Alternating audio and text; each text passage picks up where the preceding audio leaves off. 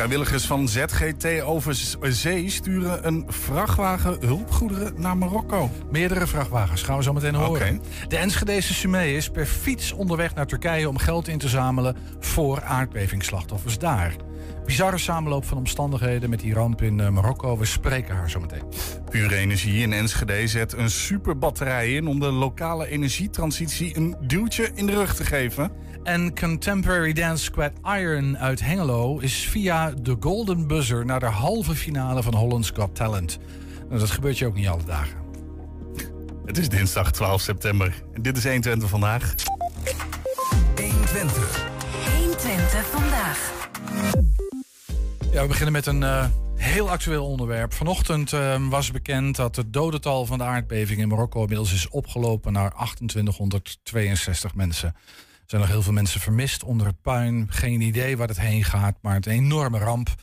Eh, er wordt nog altijd druk gezocht natuurlijk naar overlevenden tussen al dat puin. Veel landen en veel mensen willen hulp bieden aan die getroffen gebieden in Marokko.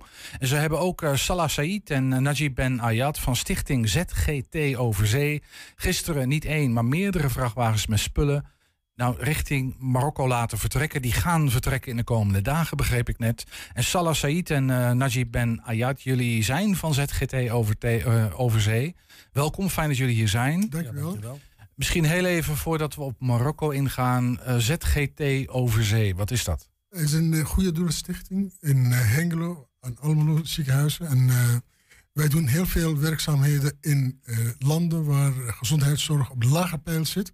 En wij proberen daar ter plekke het niveau van gezondheidszorg omhoog te trekken. ZGT Zorggroep Twente, dat, is, dat zijn de Twentse ziekenhuizen, zeg maar, Hengelo en, uh, en, en Almelo. En Almelo. En daar werken jullie allebei? Uh, ik, ik, werk in uh, Almelo Hengelo, maar hm. ik ben gepensioneerd sinds vijf jaar. En ik ben de voorzitter van stichting ZGT OVC. Hm. En Najib doet heel veel goede zaken met ons in Afrika, met name in Egypte in het zuiden van Egypte gaan we jaarlijks naartoe om hartoperaties uit te voeren voor minder bedeelde patiënten. Dat is uh, heel. En ja, klopt, uh, Najib. Want wat, wat, jij, jij bent geen hartchirurg, jij was wat anders? Nee, ik ben klinisch proficienist in de cardiothoracale chirurgie. Dus ik ben verantwoordelijk voor de bloedsomloop van de patiënten. De hartlongmachine, zoals wij dat kennen. et cetera. Ja, precies. En ja, jij bedient dat ding. Ja, ja, precies. En uh, ik ben ook voorzitter van Kalp Foundation. En uh, wij doen dus ook uh, de hartchirurgieprojecten opzetten in Marokko. Ja. En ik ben dus vrijwilliger bij ZGT Overzee, bij, met Salah. En samen hebben we eigenlijk dit project omarmd. En om, te, om te kijken wat we kunnen doen voor de slachtoffers. In Marokko. Ja. En misschien heel even een persoonlijke betrokkenheid bij de ramp in Marokko ook. Kijk jullie allebei even aan. Ja, zeker. Ik ben van Marokkaanse afkomst. En uh, vandaar dus. Mag je, als, je, als je wil, heel ietsjes dichter op de microfoon praten? Dat is al beter. Ja, is al beter. beter te verstaan? Oké, ja. Nee, ik, uh, ik uh, kom oorspronkelijk uit Enschede. Ik heb vijf jaar in het Medisch Spectrum Twente ook gewerkt. En ik ben hier opgeleid. Uh, maar mijn afkomst, mijn roots liggen in Marokko. Al ben ik in Enschede geboren. Mm -hmm. En met ja, mijn vrienden hebben slachtoffers, familieleden verloren. Ik, mijn ouders komen uit, uit Marokko. Wij komen gelukkig uit Tanger. Het meest noordelijke gebied in Marokko, tegenover Spanje. Um, maar ja, het blijft inderdaad verschrikkelijk. En zo kort na de ramp in Turkije en zodoende ben ik eigenlijk via mijn netwerk benaderd van we willen iets opzetten, we willen een fonds opzetten uh, om te kijken of wij uh, de ergst getroffen slachtoffers in het Atlasgebergte, die letterlijk alles verloren zijn, um, in de vorm van een structurele uh, bijdrage maandelijks een, een, steuntje in de rug kunnen bieden. En naar Marokkaanse standaarden, dat is dus, daar zaten we aan te denken, 150 euro per maand bijvoorbeeld. Aan iemand die niks meer heeft, om toch te kunnen blijven overleven in zijn basisbehoeften. En uh, toen ik daarvoor ben gevraagd. Uh, dacht ik gelijk aan Salah, omdat ik ze weet wat hij doet met ZGT Overzee. Precies, oké. Ja. Eh, dus daar is jullie samenwerking uit ontstaan, maar allebei uit de medische sector. Jij werkt niet bij ZGT? Nee, ik werk in verschillende ziekenhuizen in Nederland. En op dit moment voornamelijk in het Oosten. Is dat een soort freelance ding dan? Werkt dat als freelancer? Is ja, dat, ik heb een eigen wordt... maatschap. Uh, hm? Samen met een aantal partners in het bedrijf werken wij voor verschillende ziekenhuizen in het Maar land. jij was al betrokken bij het verlenen van medische hulp in delen Egypte. van Afrika. Ja, Egypte, ja ik ben met Salah ben ik meegeweest met een medisch team, met een collega, groep collega's uit Nederland ben ik met ZGT over zee naar uh, Egypte geweest, het zuiden van Egypte. om daar hartoperaties te verrichten. Ja, mis- misschien dan toch even naar jullie persoonlijke, want die, die betrokkenheid bij hulp in Afrika was er al. Dat is niet van de laatste paar dagen, dat is al langer. Ja. Waarom? Wat beweegt je om, om dat soort dingen te doen? Ja, waarom? Dat is een hele mooie vraag. Ik denk dat Salah die ook heel goed kan beantwoorden. Maar Ik het zie is, hem al eh, knikken, ja, ja. misschien. eh, als je liefde hebt voor je vaderland, dan En heel even stellig, jouw, jouw vaderland is, is Egypte. Egypte, dat is wat ik dacht. Eh, dan weet je, één, dan weet je wat liefde is. Mhm. En heb je ook ruimte om van Nederland te houden. Dus als je weet wat houden is, wat liefde is, dan heb je zo'n groot hart om van zoveel mooie dingen te houden. Onder andere ook van Nederland. Dus als je voldoende aandacht besteedt aan je eh, vaderland, dan kan je maximaal, of meer, de maximaal inzet verwachten van jezelf in de Nederlandse samenleving. En dan, dan is ehm, inzet op de een of andere manier is vanzelfsprekend. Als Juist. Ja. Ja. het- eh, Najib, hebben een, eh, een heel specialistisch beroep. Ja. Eh, er zijn bijvoorbeeld van mijn vakgebied in heel Nederland 100 mensen die gespecialiseerd zijn in eh, de bloedsomloop van de mens. En eh, ik ben daarin een van de weinige, eh, een van de twee Marokkanen. Hè, mensen met een Marokkaanse achtergrond.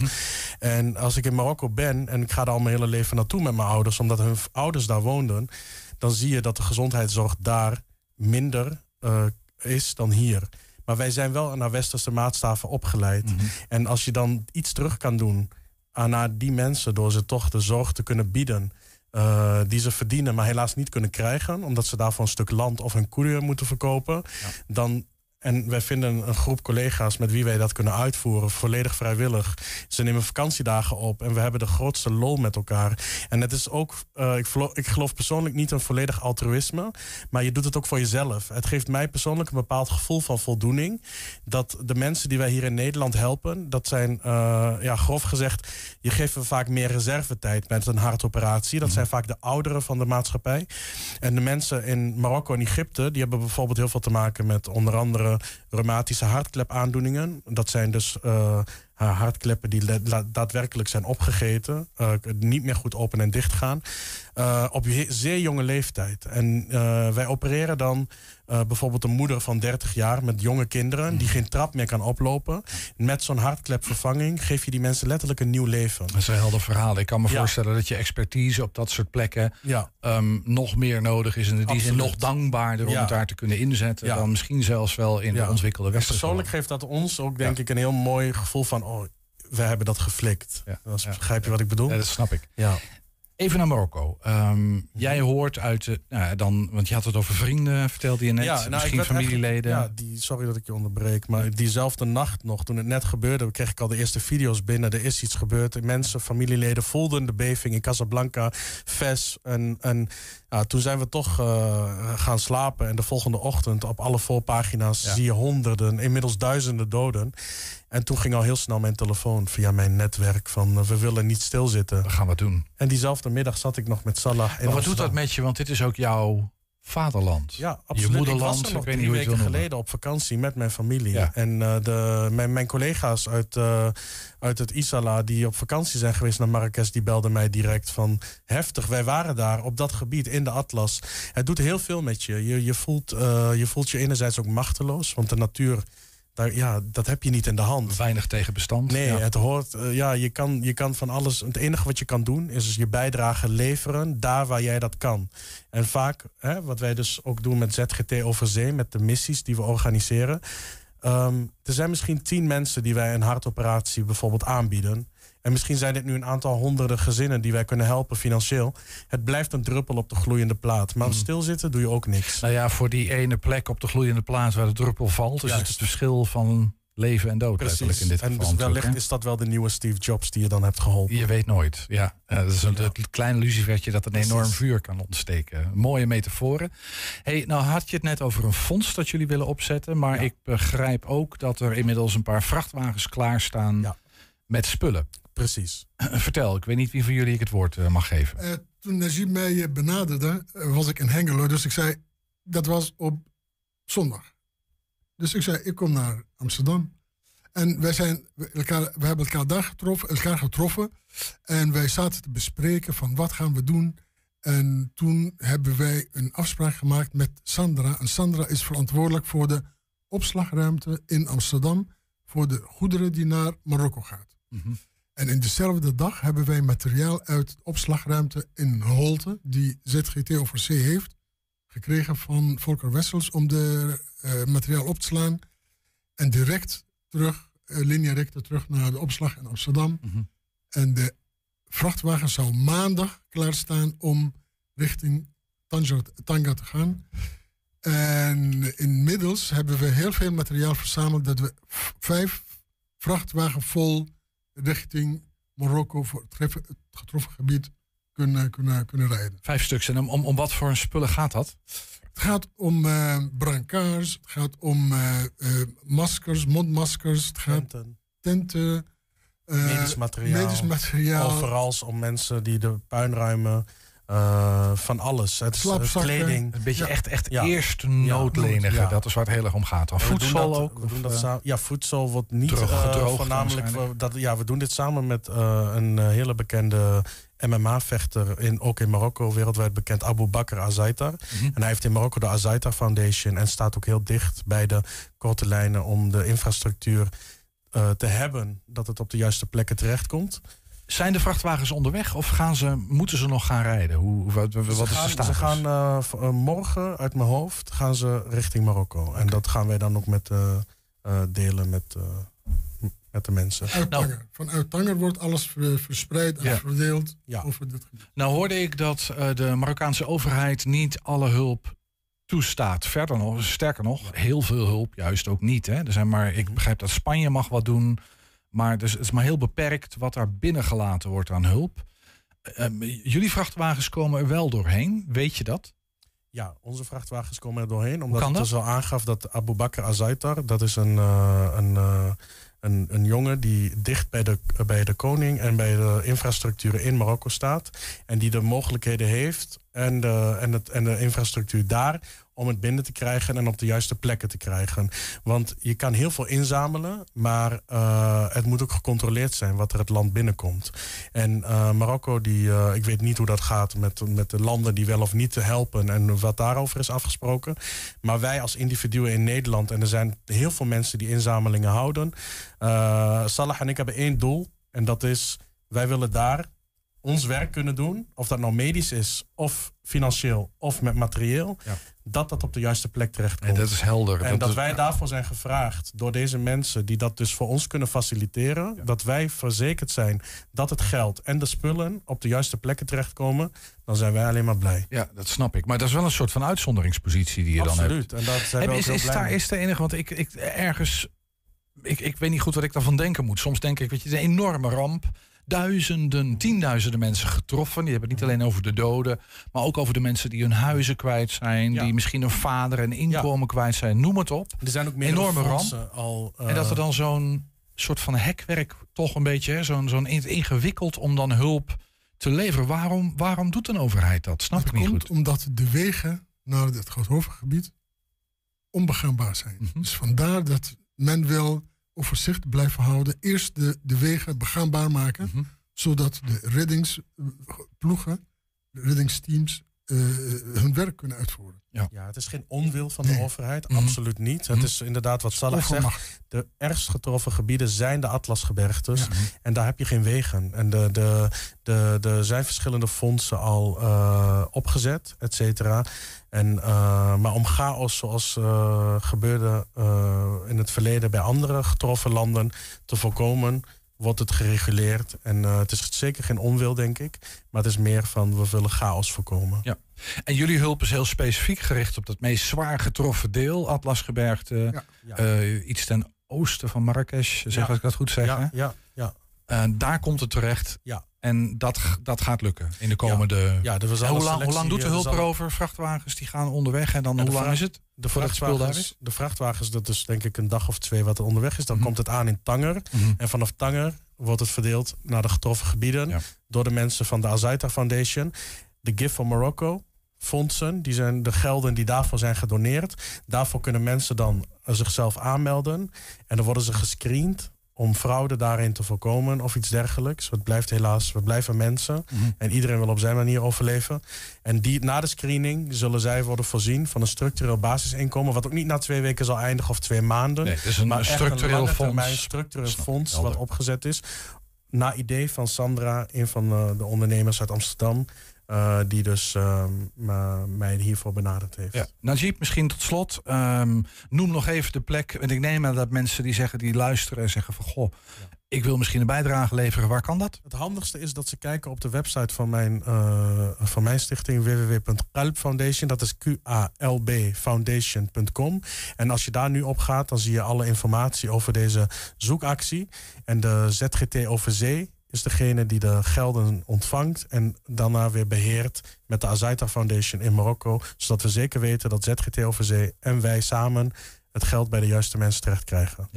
Salah en eh, Najib, hartstikke bedankt dat jullie hier waren. Graag en ehm, ja, blij dat mensen zoals jullie opstaan in dit soort tijden. Dankjewel. Belangrijk. Dankjewel. Veel succes. hier konden met, zijn. eh. Hartelijk dank.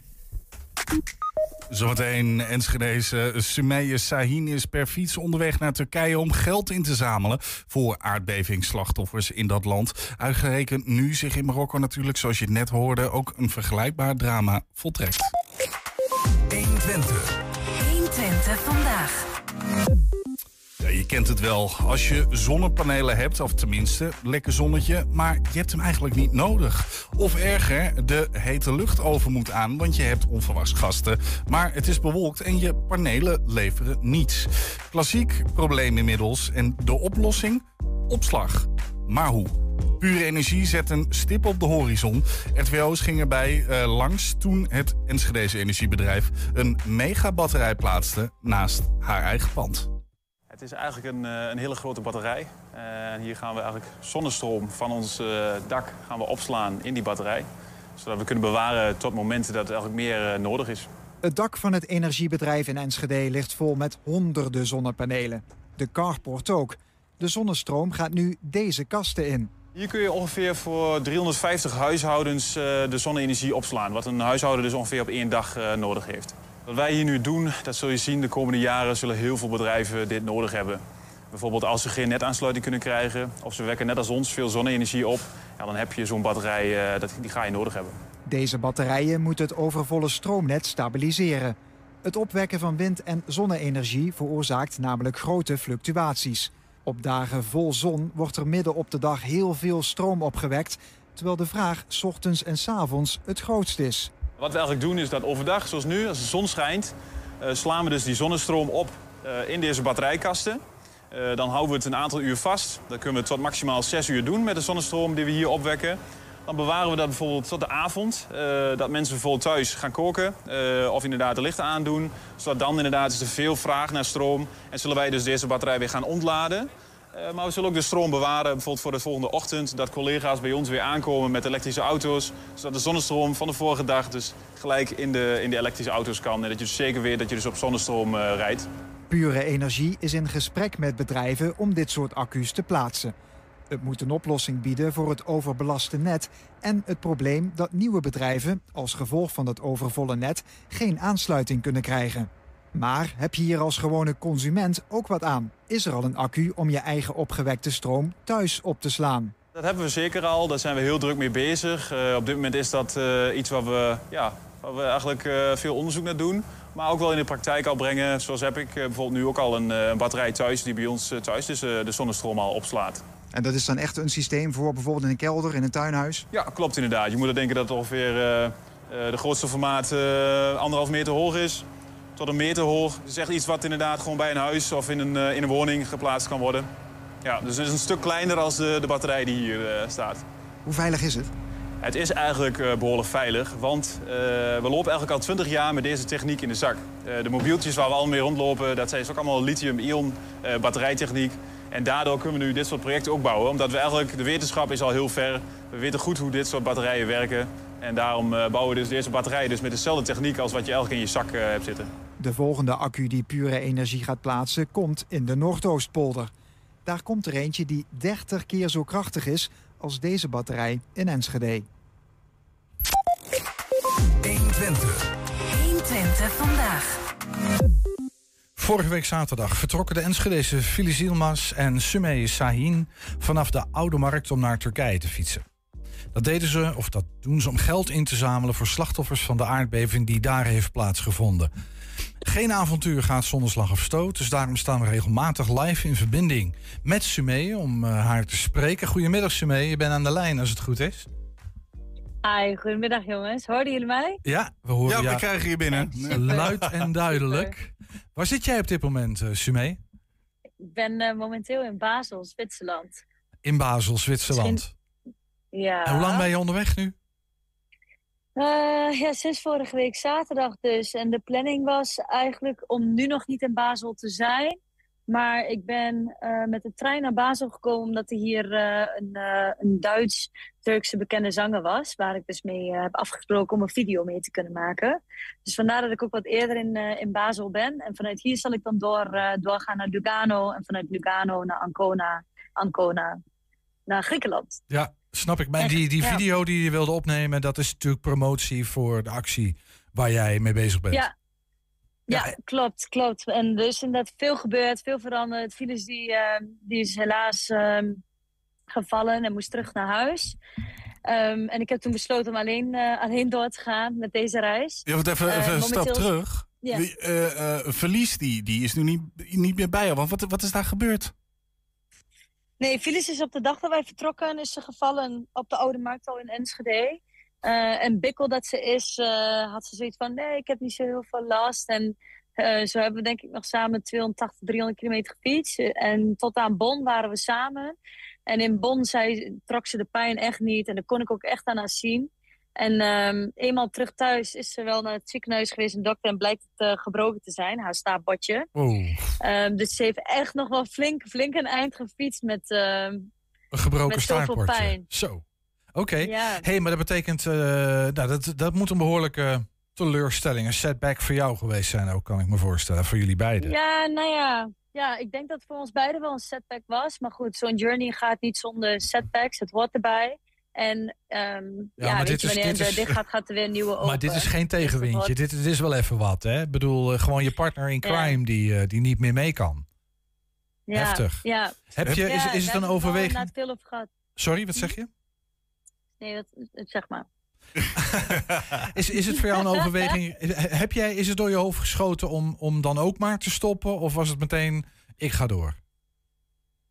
Ja. Ja, ik zei, ik ga door. Want ik, weet je, ik ben iemand die als ik eenmaal iets in mijn hoofd heb, dan krijg ik het er niet uit. En dat is misschien heel vervelend. Um, maar goed, ik was heel vastberaden en ik had uh, met Fili er al wel over gehad. Van wat zij ervan vond. En zij zei ook van, weet je, ik sta achter jou. Um, dus ik vind het goed. Dus toen, uh, toen de vraag ook eenmaal kwam van, ja, Sim, wat ga jij doen? Ik zei, ja, ik ga door. Weet je, zolang Fili en ik op één lijn daarin zitten, vind ik het goed. Ja. Uh, want natuurlijk waren er ook wel geluiden van, ja, weet je, alleen is het niet veilig genoeg. Ga ook naar huis of wil je ook niet terug. Ik zei, nou nee, ik krijg kreeg het echt niet uit mijn hoofd. Ik moet, ik moet door. Ja, dus dat was voor jou geen Dus, optie. ehm, Maar nou, had, dat had wel consequenties, hè? Dat jij alleen doorfietst. Ja. En inderdaad, wat jij net zei, eh, er waren er die dat niet veilig genoeg vonden. Vertel. Ja, ja, inderdaad. We hebben eh, eh, namelijk ook een overleg gehad. Een uh, meeting s'avonds met uh, Carso Foundation en met Juba Project. Dus waar wij ook mee samenwerkten. En uh, vanuit organisatieperspectief was het voor hun niet veilig genoeg, zeg maar, om, om ja, dat ik alleen op stap, dat ik nog alleen verder ging fietsen. Um, dus er is besloten om, um, om, om apart zeg maar, verder te gaan. Ik zei ook met of zonder, ik ga gewoon deze reis maken. En of het dan een persoonlijke reis nog wordt of wel voor hè, een goed doel, ik ga deze reis wel afmaken. Um, nou, uiteindelijk uh, wel besloten om alsnog geld in te zamelen. Dus werk ik nou samen aan, uh, aan een ander project. Oké, okay, maar dat betekent dat de samenwerking met uh, goede doelenpartijen... waarvoor jullie het deden, die is verbroken. Want die vonden Ja. het niet veilig genoeg. Um, en jij hebt Ja. een nieuw goed doel gevonden. Wat is dat? Klopt. Ja, het nieuwe goed doel is dat ik samenwerk met Rotary Club Hilversum West en Rotary Club in uh, Turkije, Kuşadası. En uh, ze hebben in Turkije een, pro- er is in Turkije een project dat heet Empowerment for Women.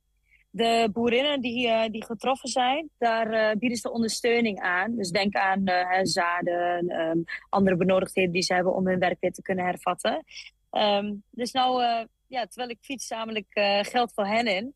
Het ingezamelde geld wat we tot nu toe al wel binnen hadden voor Juba-project, uh, zal ik wel naar hen doneren. Want dat is gewoon hun recht, want mensen hebben toen gedoneerd voor Juba-project. Mhm. En dat ging om een bedrag van 935 euro, wat, uh, wat toen binnen was. Um, en ja, nu op de GoFundMe uh, zamel ik dus geld in voor, voor een project van de Rotary Clubs. Empowerment for Women. Ja, en, maar dat, dat, is ja. een, dat is een recente ontwikkeling. Uh, loopt dat al een beetje storm met, met de inkomsten voor dat goede doel of valt het nog tegen? Nee, nou ja, het valt, ik wil niet zeggen dat het tegenvalt. Dus we zijn echt volop in, uh, in ontwikkeling. Nieuw promotiemateriaal hebben we allemaal gemaakt. En video's en pdf-bestanden en dergelijke. Om eigenlijk de fundering ervan zo sterk mogelijk te hebben. Um, en ik geloof er gewoon enorm in dat in een van deze komende dagen, wanneer uh, promotiefilmpje uitrolt, wanneer we echt op social media weer gaan knallen, dat het dan echt gaat rollen. Ik ben nu ook in contact met andere Rotary clubs om daar langs te gaan. Want mijn doel wordt om um, langs mijn route als checkpoints langs de Rotary clubs te gaan. En dan van die uh, pendants te verzamelen, dus van die vaantjes. Als symbolisch teken zeg maar, van, uh, van ook saamhorigheid na het einde van mijn reis zal ik hopelijk heel veel, uh, heel veel pendants hebben om te laten zien. Ja, ja mooi. Hey, en nou, ja, dat, het, het, het, het leven kan bizar zijn. Wil je gaat op weg om geld in te zamelen in de een of andere vorm voor aardbevingsslachtoffers in Turkije. En het te bizar voor woorden, maar terwijl jij onderweg bent, vindt er een bijna vergelijkbare aardbeving, een ramp plaats in Marokko. Ja. Een soort broederland ja. zou je kunnen zeggen twee gemeenschappen ook in Nederland, hè, die beide zeer vertegenwoordigd zijn, Turken en Marokkanen. Hoe, hoe, hoe ontvang je zo'n bericht als jij met zoiets ja. bezig bent? Dat moet bizar zijn. Ja, ik was, toen, uh, ik was toen alleen, toen ik het ook zag op social media, want ik was even aan het scrollen. En toen dacht ik wel van wow. Weet je, ik ben zelf natuurlijk aan het fietsen voor, uh, voor de getroffenen van de aardbeving. En om dan te horen dat daar ook zoiets heftigs nu gebeurt. Um, en ik heb toen ook wel even een kort filmpje gemaakt op, uh, op Instagram van weet je, ik heb het gezien. En um, ik fietste zelf wel voor de mensen die getroffen zijn in Turkije. Om dan te horen dat nu in Marokko ook zoiets heftigs gaan is. Het raakt me wel enorm. Ik merk dat ik wel een beetje ontdaan van was en ik was er wat emotioneel van. Mm -hmm. um, maar ik vind het ook wel heel mooi om te zien hoe mensen ook in handen van Marokko nu ineen aan het slaan zijn. Geld aan het inzamelen zijn. Hulp aan het, uh, aan het regelen zijn daarvoor. Om de mensen daar te kunnen steunen. Um, dus dat is heel mooi om te zien. Maar goed, het is natuurlijk ja, onbeschrijfelijk wat, wat daar nu gebeurt. Ja. En ze zeggen ook hè, dat de dodentallen waarschijnlijk veel hoger liggen. En dat was in Turkije ook dan, uh, dan, dan dat het bekend is in de cijfers. Ja, ja dat zal. Hey, en ja, weet je, jij, jij fietst voor een, nou ja, een doel. Uh, laat ik het anders zeggen. Jij, jij zamelt geld in voor iets dat een aantal maanden geleden plaatsvond. Wat langer geleden. Uh, maar het is natuurlijk ook het symbool dat dit soort rampen een hele lange tijd effect hebben op een bevolking natuurlijk. Hè?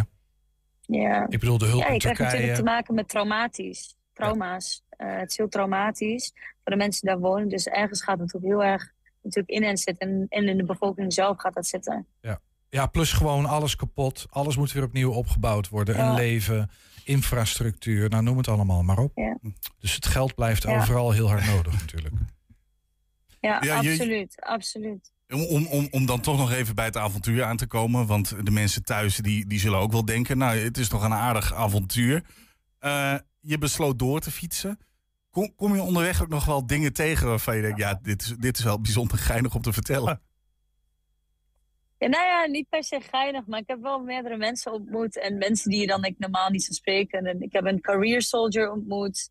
Eh, die had een heel, heel bijzonder mooi verhaal. Dat was nog in Duitsland. Een aantal leeftijdsgenoten ontmoet, die dan ook aan het fietsen zijn. Een meid ontmoet die ook ehm, van mijn leeftijd aan het fietsen was. Ehm, ik weet zo niet meer waar ze naartoe ging, want ik sprak haar niet echt lang. Maar ik wil heel even goed, naar die. Mag ik heel even, mag ik heel even naar die career soldier? Dat is een, een huursoldaat. Een, een, een huursoldaat dan, denk ik.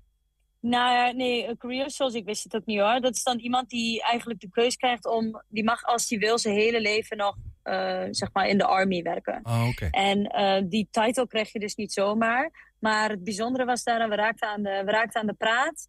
Ehm, want ik fietste langs hem heen. En ik dacht, oh, volgens mij is het een bandlek. Maar je haalde dus hem in. ik keek nog een keer achterom. Ja, ik haalde hem in. En ik keek achterom en hij stak zijn duim op van nee, nee, is oké. Nou, en ik was, eh, hij zat op zijn, eh, zijn uberlichte carbon wielrenfietsje en ik zat op mijn volbepakte tourfiets. En hij haalde op een gegeven moment mij in en toen fietsten we naast elkaar. En toen zei hij, oh, heb je anders even, dan gaan we even kletsen. zei, ja, tuurlijk, weet je, geen probleem. Toen raakte we aan de klets en toen zei, toen zei ik van, ja, ik fiets voor, uh, voor, voor de getroffenen van de aardbeving naar Turkije. Toen zei ja, ik weet niet of het toeval is, zegt hij, maar het is heel grappig, of heel, heel bijzonder, zegt hij, maar ik ben voor mijn werk gevraagd om daar te gaan helpen. Hij zegt, en jij gaat daar dus nu naartoe om, zeg maar, op, op jouw manier dan, uh, dan hen te helpen. Zo hebben we denk ik bijna een uur staan kletsen. Nou, de, andere, de dag daarna, volgens mij, fietste ik ook langs iemand die ook weer een lekker band. Um, en toen keek ik nog een keer achterom en ik dacht, ik moet terugfietsen. Dus zei ik tegen die jongen van, hé, hey, weet je, ik heb een elektrische pomp. Wil je daarmee, uh, wil je, daarmee je band plakken? Toen zei hij, nee, nee, nee, het is wel gelukt. Maar oh, wat leuk, wat kom je doen? Dus toen fietste hij weer een stuk met mij mee. Uh, gaf hij nog een aantal tips van waar ik kon blijven. Want toen was ik onderweg naar Koblenz in, uh, in Duitsland. Dus hij gaf toen een aantal tips van, oh, je hebt van die wijnvaten op die en die camping, daar kun je in slapen. Die zijn heel leuk. Dus ja, ik ben eigenlijk niet, ik fiets alleen, maar ik ben niet alleen. Iedere ja. dag kom je iemand tegen, die geeft je weer tips en tops en wat je ja, kan wat, doen. Wat, dat, dat, dat, is het ook. Want uh, uh, als je zelf uh, ook wielrent of dat soort dingen, er zijn altijd mensen die met jou mee gaan fietsen ook, of niet? Ja, ja, ja, ja. Ja, de ene fietst een paar kilometer met je mee, de andere hou je contact mee nog via Instagram en dan babbel je een dag later nog met elkaar. Um, dus dat verschilt, dat verschilt. Um, en, en, en wat, gisteren, eergisteren, ja. Nee, zeg maar. Nee, eergisteren ook nog in de trein, toen ik onderweg was hier naartoe. Een meisje van 18 die dan, uh, die dan ook naar Basel ging, vanaf, vanaf Basel met haar tante een stuk mee te fietsen. Want de tante deed, uh, maakte een grote, grote fiets, uh, fietstour. En dan fietste zij dan ja, een paar honderd kilometer ook mee. Dus ja, je leert iedereen kennen. Ja, van alles en nog, wat kom je tegen? Zo gaat het op reis. Toevallige ontmoetingen. Semee, hoe, hoe, hoeveel dagen moet je nog? Hoeveel dagen moet ik nog? Nou, ik plan eigenlijk wel om in uh, eind september in, uh, in Griekenland aangekomen te zijn. Griekenland, Turkije. Want ik wil eigenlijk nog heel graag ook even uh, nog wel een paar dagen in Turkije gaan spenderen. Want het doel is nog steeds wel om in Hatay aan te komen. Want het project zit ook in Hatay, dit project.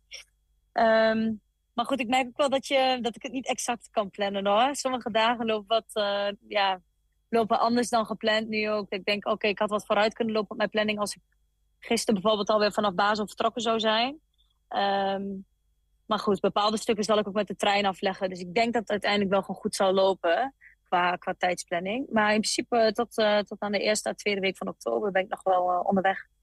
Hartstikke mooi. Hey, noem nog heel even, als mensen een bijdrage willen leveren, waar kunnen ze dan terecht? Ja, dat kunnen jullie doen via, via GoFundMe. Uh, ik heb een GoFundMe-pagina, maar dan kun je komen ook via mijn uh, Instagram-pagina. Sumsahin, S-U-M-S-A-H-I-N, met een lage streepje.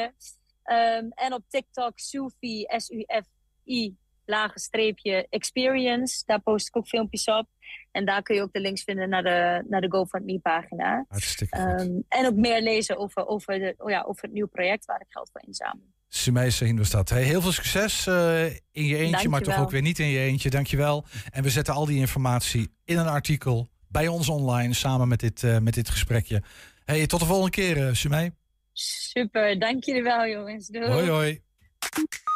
Zometeen, ja, ik heb hem al zien zitten in de hal. Tom Ouwehand, bij ons ook wel Jazzhand genoemd, met de column van de dag.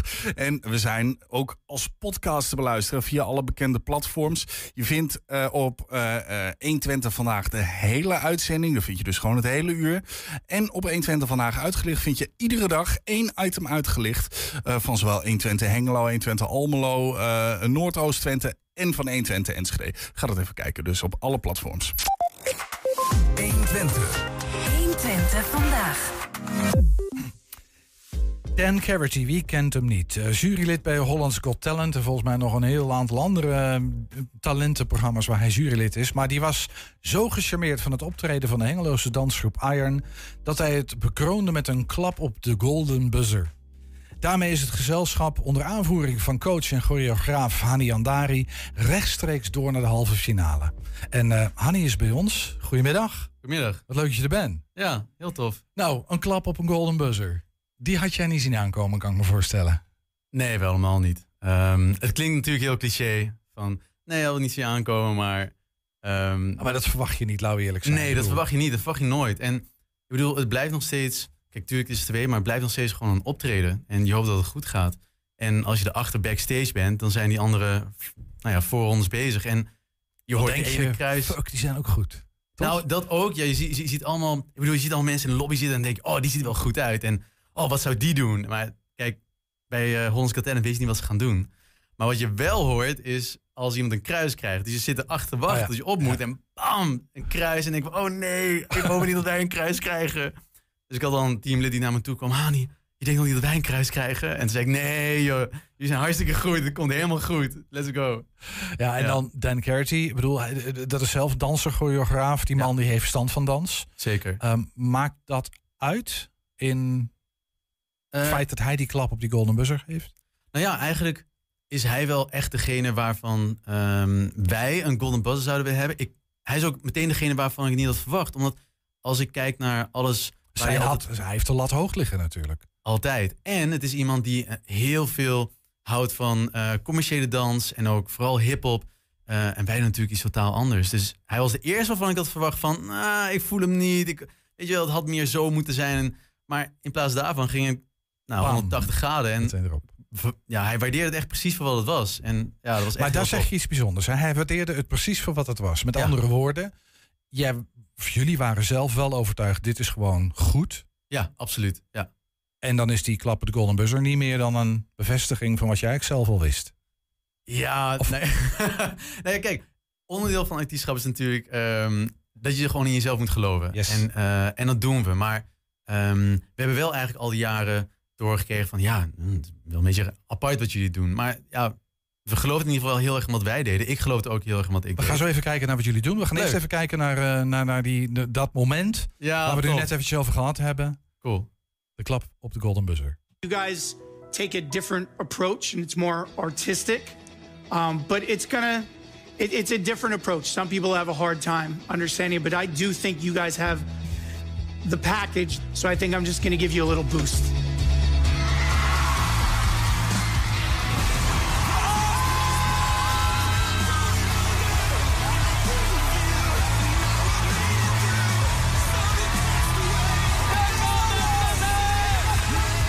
Ja, het is it's a different approach, but I'm gonna give you a little boost. Ja, ja. nou, daar mag je het mee doen. Hey, die voorronde, dat is begin, september, ja, begin september was het op tv, hè, pas Ja. geleden. Ehm, maar de opnames waren eerder, toch? ja, ik weet niet meer wanneer. Volgens mij ergens mei Doet er ook niet zoveel toe, joh. Maar een eh, tijd geleden, ja, Ja. klopt.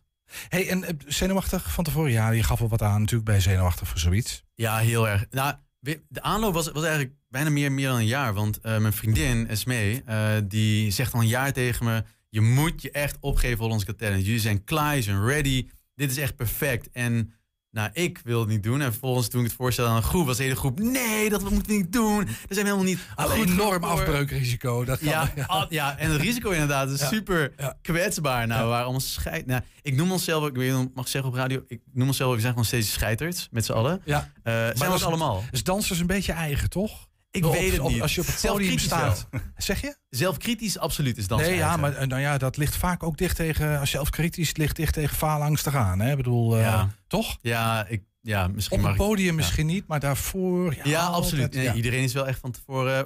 Ja. iedereen voelt hem wel, zeker. Hey, ik, we gaan echt even, we gaan nu even kijken naar wat jullie nou precies doen. Leuk. Want het is a different approach, right? Ja, absoluut. dus dat, dat moeten we even zien dan. Wat, Let's go.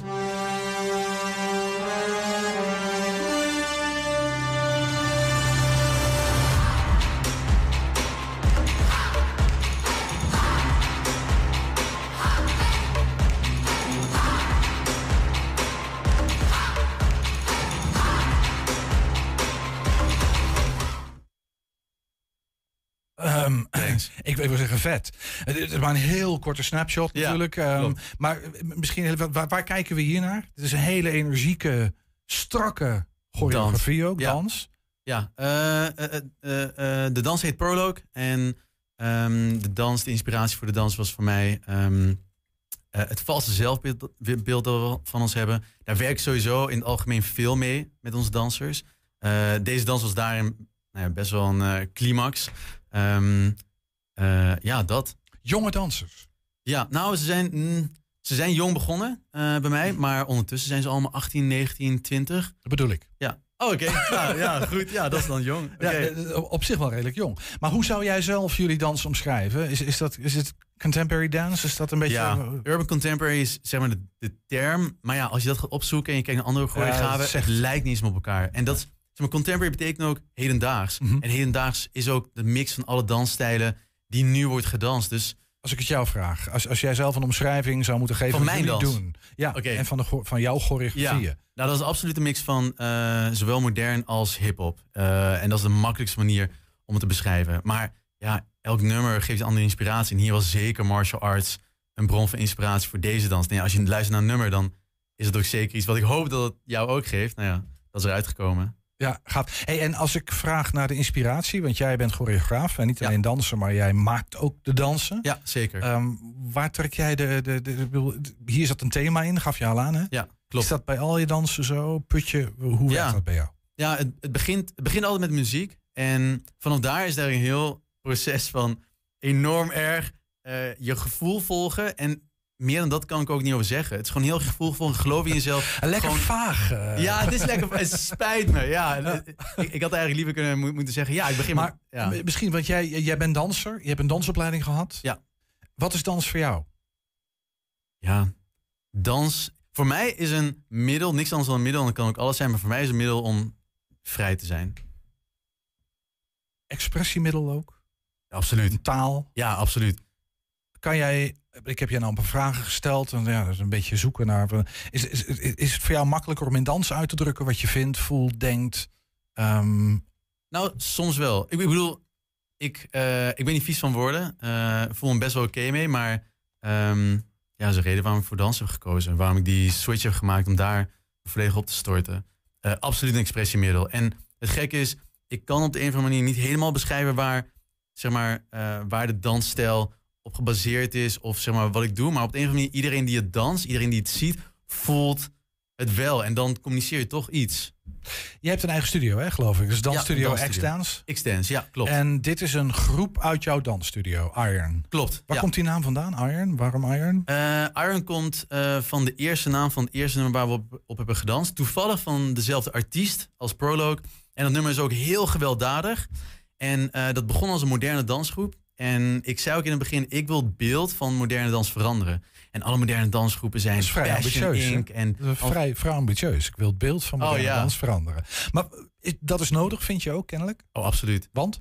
Omdat ehm, de- het beeld van mo- moderne dans enorm achterhaald. Ik bedoel, het is 2023. De wereld is al lang daar aan voorbij gegaan. Maar Wanneer begint de moderne dans dan? Waar hebben we het over? Na de Tweede Wereldoorlog? Oh, 1950, eh, moderne dans is 60? eigenlijk meteen na, ehm, na ballet gekomen. En ja, ik, mijn dansgeschiedenis is niet zo goed. Sorry mensen. Eh, maar het is in ieder geval eh, eh, meer dan 20 jaar voordat ik, ja, voordat ik ben, wa- was geboren. Ja. En ehm, eh, nu, ik bedoel, hip-hop, alle urban stijlen, alle stijlen die tegenwoordig zijn, hebben al lang een weg gevonden in alle andere dansstijlen. En eigenlijk daar- gevestigd geworden. absoluut. Van- ja. en, en jij wil iets nieuws toevoegen aan wat er al is. Heel erg. Ja, heel en graag. tegelijkertijd put je ook uit die bronnen. Oh, zeker. Ja. Ik bedoel, ehm, Wat ja. maakt, wat maakt die toevoeging die jij doet in de moderne dans? Kan je aangeven wat, wat, wat daarin aanvullend, uniek, anders is dan anders? Ja, nu zet je me echt op, de spot. Ja, Ehm, snap ik. Nou, eh, wat voor mij heel, bela- heel belangrijk is, is dat het ook iets krachtigs en energieks kan zijn. En toch kan spreken. Want iets waar, nou ja, een, een goede hippelvriend van mij die zegt van ja, ik hou niet van moderne dans. Het is allemaal te aanstellerig voor mij. Ehm, en dat is inderdaad het beeld dat heel veel mensen hebben. Niet dat iedereen aanstellerig vindt, maar het is heel mooi en heel lang. En je moet er lange benen voor hebben, je moet er heel lenig voor zijn. En je moet, al- alles moet prachtig zijn. En ik zeg altijd, als, als je mij danst, eh, je komt niet om prachtig te zijn, je komt hier om te voelen en om te gaan en om te vechten. En ehm, ja, en ik hoop dat als mensen naar de dans kijken, dat ze ook echt iets voelen in plaats van drama. Die energie zit er wel heel erg in. Hè? Bij jou ook, als je erover praat, Ja, dan hoor ik vechten, knallen, ervoor gaan, Ja. energie. ja absoluut. heb, heb- heb jij kleine, rustige dansen ook? Of, of is het bij jou allemaal... eh, Zeldzaam. zeldzaam? Zeldzaam. Wel af en toe, af en toe. Maar het heeft ook te maken met hoe ik me voel op dat moment. En voor mij is het dagelijks leven wel echt strijden. Dus dan komt het ook uit. Ik, ik wil ook. Waar ja, komt het vandaan, dagelijks leven strijden? Waarom? Ja, dan- dan- ja, dat is een moeilijke vraag. Ik denk. ehm, ja, ik heb vroeger toen ik jong was. Ja, dit, dit wordt wel heel persoonlijk. Maar toen ik jong was eh, op de basisschool heb ik echt heel veel gevochten. En dat is op een gegeven moment eh, voorbij gegaan. Maar ik weet niet, misschien zit er gewoon nog iets in mij om nog steeds te strijden, te vechten. En het is niet dat ik zo extreem competitief ben, maar toch op het moment dat ik dans, komt er iets naar boven. En ik vind het heerlijk dat ik dat met dans zo kan doen. hey, die halve finale. Ja. Ehm, ik wou zeggen, daar gaan we naartoe. Maar dat is natuurlijk onzin. Voor jullie is het al geweest. Ja, oké, ja, klopt. Ja, En? het is al geweest. Ja, uh, spijt me. Ik kan er niks meer over zeggen, anders Ja, krijg ik d- problemen. Oh, Oké, we zeggen daar kun je wel, maar dan mag je natuurlijk niet. Dat snap ik. Klopt, ja, mag niet. Ja, wanneer kunnen wij ehm, meemaken wat er van die halve finale wordt en van jullie? Als het goed is, we- ze- kon niet met zekerheid zeggen, maar als het goed is, 20 oktober. 20 Ehm, oktober. ja, dan. eh, Dat is het. Dan moet je tot 20 oktober gewoon je mond houden. Mag je nog niks zeggen. Nou, deels erger. Dit eh, voor eh 1 september was veel erger voor ons. Ja? Want we mochten niks zeggen überhaupt aan iemand dat we überhaupt weer meegedaan aan het programma. Oké. Dus eh, wij elke maar verdwijnen en kapot zijn en eh, om niemand reageren omdat wij zo hard mee bezig waren. En nu kunnen we eindelijk. We konden eerst al zeggen dat we mee hebben gedaan. Nou, dat, dat was een maandje terug. En nu kunnen we eindelijk delen en zeg maar, nou ja, de vreugde delen van wat we daar hebben gedaan. Dat is echt Ja. heel fijn. En dan is het voor ons even afwachten wat Hoe het verder wordt. gaat, ja. hoe het verder gaat. Ja. Nou, met die cliffhanger eh, gaan we afscheid van je nemen. Uh, Hani Andari, dankjewel dat je hier was. En keep us posted, hè. hou ons op de hoogte. Vertel wat 100%, het, ja. wat het geworden is. Zal ik doen. Heel bedankt eh, dat ik mocht komen. Dankjewel. Yes. Heb je een tip voor de redactie? Mail dat dan eventjes naar de redactie.120.nl. En je kan eh, ons natuurlijk ook bellen. eh, mocht je dat eh, willen, dat kan via 053 432 7527. Zal ik nog even één keer herhalen, want dat is voor de mensen die pen en papier aan het pakken waren. 053 432 7527. 120. 120 vandaag. En daar zit hij. Jazzhand hebben we je net genoemd. Ja, oh, heel goed. Ja, we, het goed? Ja? Wij, wij, wij hebben hier een bijnaam eh, voor je. Dat is Tom Jazzhands. Jason, nou, dat is mooi, dankjewel. Dat is een mooi, Ja, mooie ja. bijnaam, Ja. toch? Waar zou het Nee. vandaan komen, denk je? Ik heb echt geen idee. Nee, ja, ik hou helemaal niet Nee, van want, want het is vakantie geweest. En Oh ja, eh, eh, en je moest natuurlijk op tijd van jou. Weet je, je bent ver weg geweest. Vakantie afgebroken, want eh, ja, het was september. En Ja, natuurlijk. Is dat eh, inspiratie geweest voor de column waar wij nu naar gaan Nou, luisteren? dat weer niet helemaal. Nee, oké. Maar jij bent ver weg geweest of ben je geweest? Zuid-Frankrijk. Oh, dat is relatief. Ja, dat, doet, ja. dat, dat doet half ja, maar hij moest het afbreken voor, voor, voor, jazz, september hè? Jazzmaand. Ja, ja, dat wel. Ja, dat is Ja, Ongelooflijk. De column van Tom Ouwe. Oké. Max Verstappen is koninklijk onderscheiden vanwege zijn adembenemende grote bijdrage aan de opwarming van de aarde. Wibi Soyari is eindelijk ter verantwoording geroepen voor zijn belabberde pianospel. De Rolling Stones hebben na 60 jaar oefenen een nieuw liedje. En dan is het natuurlijk september jazzmaand. Onderwerpen genoeg waar ik het allemaal niet over ga hebben. Ik ga vooruitblikken op zaterdag 23 september aanstaande. Dan presenteert de Enschedeze kunstenaar Marianne Nijhuis haar boek Mooi Enschede bij Galerie Beeld en Aanbeeld in de Walstraat. Een boek met afbeeldingen van de schilderijen die ze de afgelopen twintig jaar maakte van allerhande kerken, musea, voormalige en huidige winkels, galerieën, kroegen, pleinen, synagogen, onderwijsinstellingen, voetbalstadions. Marianne Nijhuis, dat is iemand die de stad kleurt. Letterlijk, want haar schilderijen kenmerken zich door uitbundig kleurgebruik. Nu zult u zeggen, wat heb jij er dan mee te maken? En dan zeg ik aardig wat. Want vorig jaar oktober vertelde zij dat ze een boek wilde maken rond haar Enschede schilderijen en ze vroeg of ik de bijschriften wilde verzorgen. Ik zei direct ja. Dat doe ik tegenwoordig altijd als iets me leuk lijkt. Het stemmetje in mijn hoofd dat voortdurend roept dat ik allerlei dingen helemaal niet kan, draait nog steeds overuren, maar ik heb dat leren negeren. Dat negeren is veel simpeler dan het lijkt. Het is gewoon een kwestie van jezelf realiseren dat je wel nee kan zeggen, maar dan gaan ze een andere vragen. En dat is de bedoeling natuurlijk niet. Ik zei dus ja. En toen kwam het grote piekeren.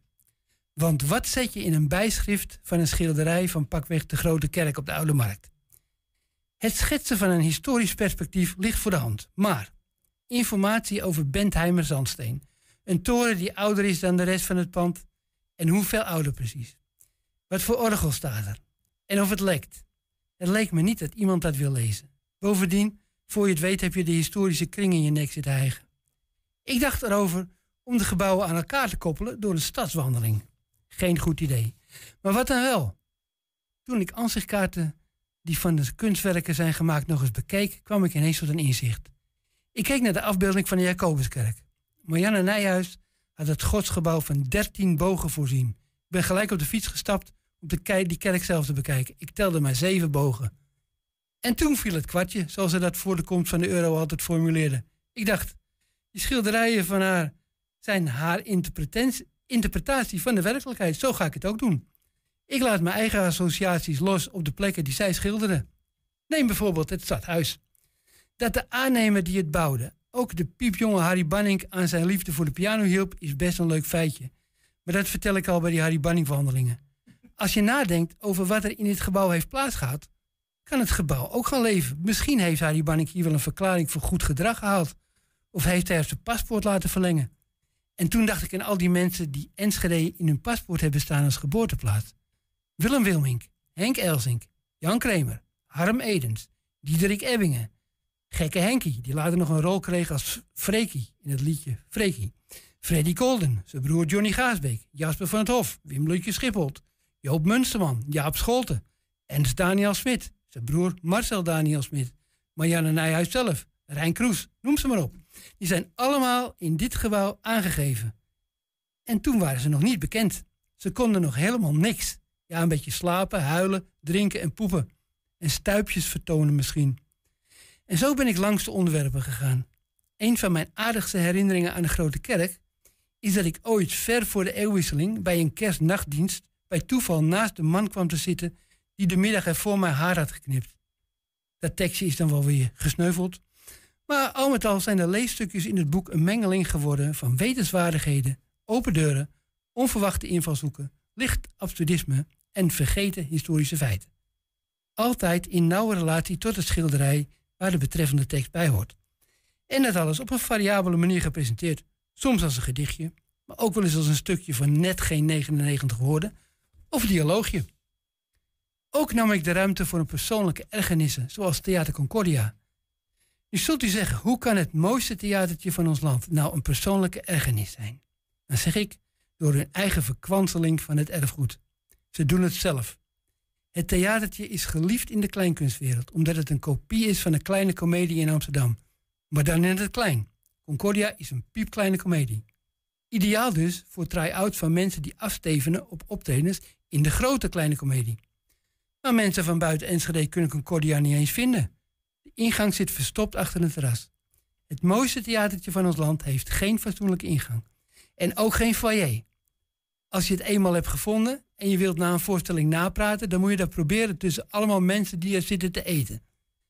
Dan zit er weinig anders op dan naar het bolwerk te gaan voor een evaluatie.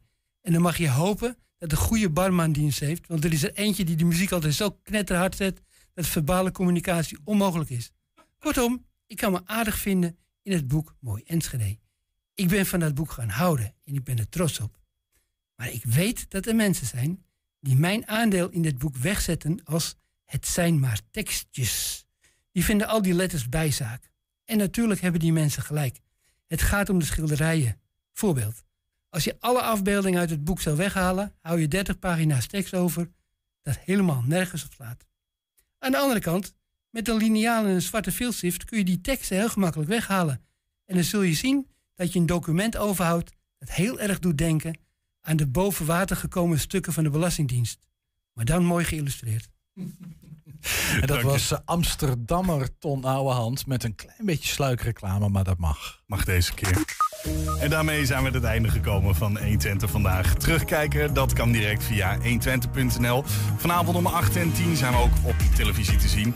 Zometeen op de radio kun je gaan genieten van Henk Ketting en de Kettingreactie. We zeggen veel plezier en tot morgen. 120. Weet wat er speelt in Twente. Met nu het nieuws van 4 uur. Goedemiddag, ik ben René Postma. Dat de politie veilig thuis informeert als klimaatactivisten met hun kinderen de A12 blokkeren, is terecht, zeggen de politiebonden. Ze vinden kinderen meenemen naar